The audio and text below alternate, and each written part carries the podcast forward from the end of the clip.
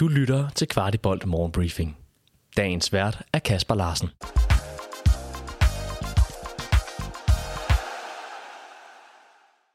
Vil du høre Lars Jakobsen, Jesper Grønkjær, Michael Gravgaard og Markus Albæk underholde med sjove anekdoter fra deres skyldne tid i FCK-trøjen i midt- og slutnullerne, så har du nu muligheden. De fire mødes på scenen i det nye teater den 25. april kl. 18.30 og giver tilskuerne hidtil ufortalte historier fra den første storhedstid under Ståle Solbakken. Vi smider et link under podcasten. Det er onsdag den 14. februar, og denne morgenbriefing indeholder ikke noget for gårdsdagens Champions League 8. delsfinale i parken imod Manchester City. Den har vi behandlet i en særskilt udsendelse, som du finder der, hvor du normalt lytter til podcast. Velkommen til. En af de sidste dage i transfervinduet hentede vi Magnus Madsen i Nijmegen i Holland. Inden Magnus kom dertil, spillede han for Silkeborg IF. Da Kvartibold var i Portugal, fandt vi nogle af vores kollegaer, der til daglig laver Søhøjlandets Stemme, en Silkeborg-podcast, for at blive klogere på, hvem Magnus egentlig er, både på og uden for banen.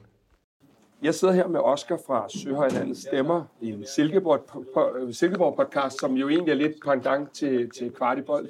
Og grunden til, at vi sidder her lige og snakker, det er jo fordi FC København har hentet Magnus Madsen, som, øh, som du jo lige nu i hvert fald kender langt bedre, end vi gør. Hvad, hvad er Magnus Madsen, hvis du starter rent fodboldmæssigt for en øh, type?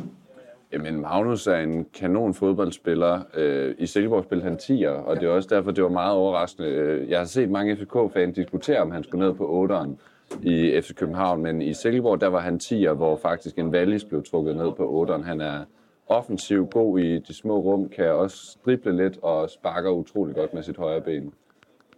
Hvis man kigger på øh, den måde, jeg går ud fra, at du ser lidt FCK en gang imellem, ja. trods alt, øh, den måde, vi spiller på, hvor tror du Næstrup vil få bedst øh, udbytte af, af Madsen? Jamen, det er et godt spørgsmål, fordi nu har vi set Elfsborg i dag, hvor I ja. dominerer bolden meget. Ja. Der tror jeg sagtens, I kan spille på 8'eren, men jeg vil passe på med at spille Magnus Madsen som 8 på Jysk Park, hvor vi jo også gerne vil have bolden rigtig meget, for eksempel jeg tror ikke, der er så mange højintensive løb defensivt i, i Magnus Madsen, så skal han i hvert fald have udviklet det de seneste par år og taget det med ind i, i sit spil. Så jeg tænker, det er meget alt efter modstanderen, og hvor meget I kommer til at dominere bolden, fordi desto mindre I har bolden, har jeg det så ind i, at han skal spille jeres 10 og slash kant, vil jeg mene.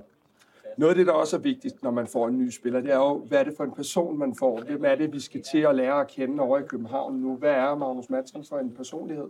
Jamen, Magnus og øh, også hans bror Pelle er, er kendt som nogle, lidt nogle sparedbasser, men nogle rigtig søde, øh, sympatiske drenge, der er ja, måske sådan nogle øh, mor, morstrenge begge to, og øh, Øh, han producerer jo noget musik og, og har det som en stor hobby. Øh, han laver til Silkeborg IF's egen podcast, har han jo produceret intromelodien til og sådan nogle ting. Men øh, en sympatisk fyr med, øh, med rigtig godt humør, tror jeg, at øh, han generelt er kendt for, at øh, Magnus Madsen, han er aldrig ked af det. Var du, øh, nu sagde du lidt omkring det her med 8 og 10 og så videre, var du overrasket øh, over, øh, da Magnus Madsen signer med FC København? Nu tænker jeg også sådan, kommer hjem til Danmark, øh, godt nok en stor klub i Danmark, men var du overrasket over, at det var den vej, han kiggede? Ja, det var jeg da lidt. Altså, jeg, jeg havde da håbet, at den dag Magnus kom hjem igen, så var det som 32-årig og til Silkeborg, ikke? Men, øh, men nej, FC København er jo en kæmpe stor klub. Jeg havde måske lidt håbet, at han tog en tur til Bundesligaen eller en af de helt store ligaer øh, i stedet for. Men, øh, men nej, jeg, jeg synes, det er rigtig godt set af FC København, for det må også være en spiller, der lidt af en bobler til landsholdet i den form, han den seneste tid har haft.